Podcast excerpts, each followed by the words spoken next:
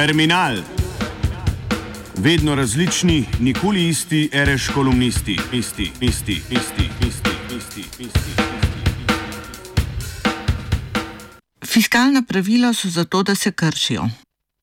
Fiskalna pravila se nanašajo na prejemke, izdatke in dolgove države, zlasti na njihovo omejevanje. Začetno pojmovanje fiskalnega ali proračunskega pravila se je nanašalo na vsakoletno izravnan proračun ali proračun z majhnim presežkom ter dovoljenimi odstopanji v izrednih razmerah, kot so vojne, naravne nesreče ali velika javna dela, ki jih ni mogoče financirati iz sprotnih prejemkov. S spoznanjem, da med izredne razmere sodijo tudi gospodarske krize in depresije in da je lahko fiskalna politika močno orodje države za boj proti krizam in depresijam, je sledilo spreminjanje opredelitve proračunskega primankljaja, spreminjal se je časovni okvir njegovega opazovanja, spreminjalo se je njegovo statistično merjenje, vse v smeri rahljanja začetnega pojmovanja. Pojmovanje na vides enostavnega pravila se je spreminjalo vsakokrat, ko so nastopile težave z njegovim spoštovanjem. Morda je najlepši zgled fiskalnega pravila Nemčija, ki v resnici narekuje evropsko ureditev. Nemška ustava je od maja 1949 dovoljevala zadolževanje za financiranje izdatkov v primeru izrednih razmer in nujnih potreb. Maja 1969 je bila spremenjena. Dovoljeni so bili proračunski primankljaji in s tem zadolževanje za investicijske izdatke. Augusta 2009 je pono, se je ustava ponovno spremenila in s tem fiskalno pravilo. To zahteva enakost med prejemki in izdatki proračunov brez zadolževanja in da se konjunkturni vzponi in paci upoštevajo simetrično in se njihov vpliv izravna. Naša slovenska zgodovina fiskalnega pravila se ni začela z Maastrichtom, s paktom stabilnosti in rasti, s francosko-nemškim vlakom ali s fiskalnim dogovorom.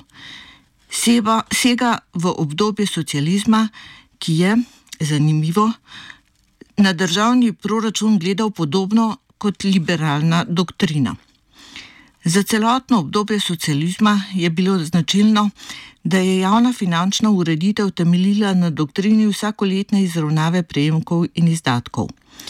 Veljalo je, da mora biti proračun uravnovešen, za izredne razmere pa se oblikuje rezerva, ki služi tudi za financiranje morebitnega primankljaja, ki nastane zaradi slabših gospodarskih razmer od predvidenih. O porabi rezerve je odločala skupščina. Določeno je bilo, kako se rezerva oblikuje in obnavlja, če se porabi ali zmanjša. Zadolževanje je bilo mogoče le za investicijske namene in to le na podlagi posebnega zakona. To ureditev je odpravila Demosova vlada, saj sta njen podpredsednik Jože Mencinger in finančni minister Marko Kranc verjela v moč primankljajev. Sprehod čez 20-letno pot evropske ureditve kaže željo po izravnanem proračunu, spreminjanje njegovega razumevanja in premikanje v prožnejše dojemanje proračunskega stanja. Čeprav je to premikanje krepilo težnjo po proticikličnem vodenju politike, je proračunskemu stanju hkrati tudi odzemalo lastnost instrumenta ekonomske politike in ga potiskalo v vlogo cilja ekonomske politike. V tem premikanju zasledimo nihanje, ki ustreza različnima poloma v ekonomski teoriji, večno prisotnega antagonizma med vlogo trga in vlogo države, med diskrecijskim odločanjem in odločanjem po pravilih. Proračunskih pravil ne kaže istovetiti s fiskalno konsolidacijo. Konsolidacija je kvečemu posledica nespoštovanja pravil.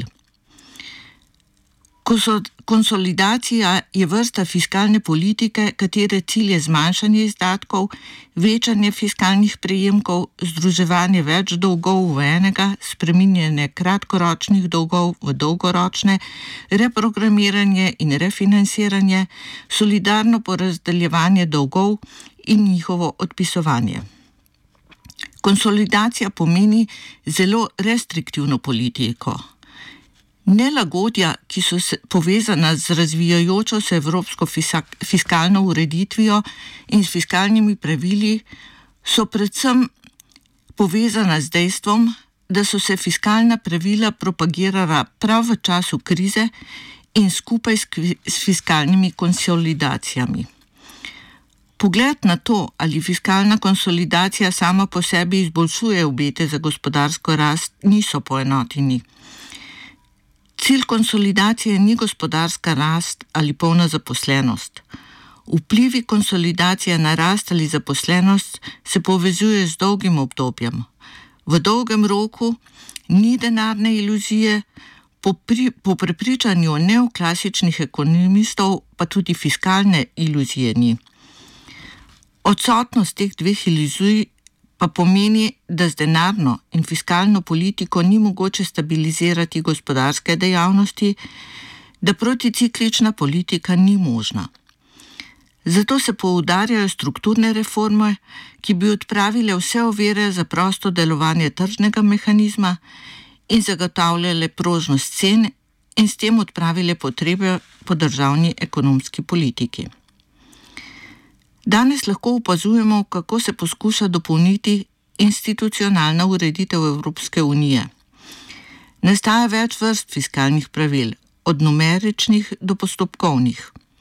Oblikujejo in izboljšujejo se pravila za pravočasno odkrivanje in pravočasno odzivanje na odmike, kakor tudi pravila za sankcioniranje ravnanj oziroma odmikov od želene poti. Krepijo se mehanizmi sprotnega in naknadnega nadzora oziroma preverjanja nad izvajanjem sprejetih odločitev. Ves čas lahko spremljamo tudi dopolnjevanje postopkovnih pravil, ki jih morajo spoštovati odločevalci na različnih ravneh.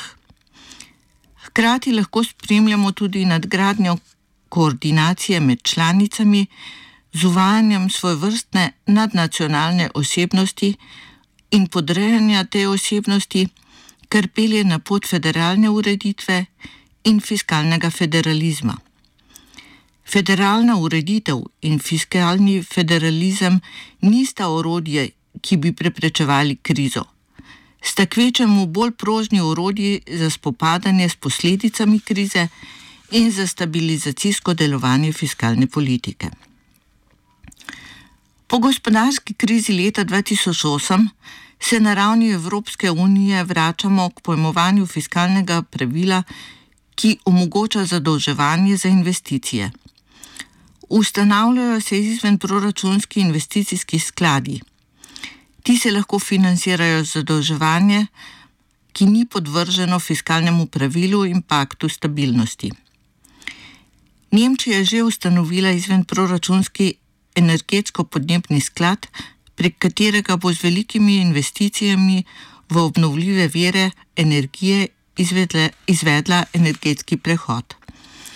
Nova predsednica Evropske komisije je predstavila Evropski Green Deal, ki predvideva 100 milijard evrov evropskih sredstev za naložbe v čistejše energije in zmanjševanje izpustov. Sklad naj bi v več letih sprostil za tisoč milijard evrov kreditov Evropske investicijske banke. Novi komisar za gospodarstvo je najavil bolj fleksibilno tolmačenje pakta o stabilnosti in rasti, ki bi mu omogočal, da naj bi bile zelene investicije v bodoče izvzete iz omejitev 3-odstotnega proračunskega primankljaja ali pa bi jih izvzeli iz, iz izračunavanja strukturnega proračunskega primankljaja.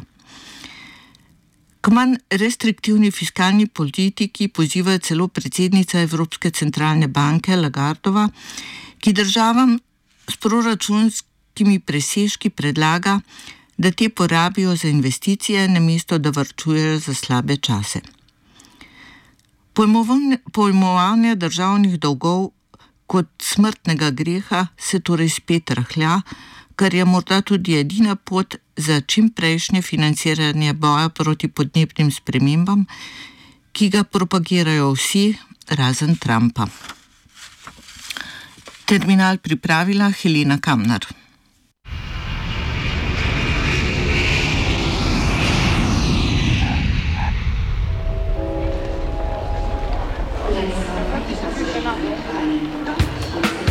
Terminal. Vedno različni, nikoli isti, reš kolumnisti, isti, isti, isti, isti, isti, isti.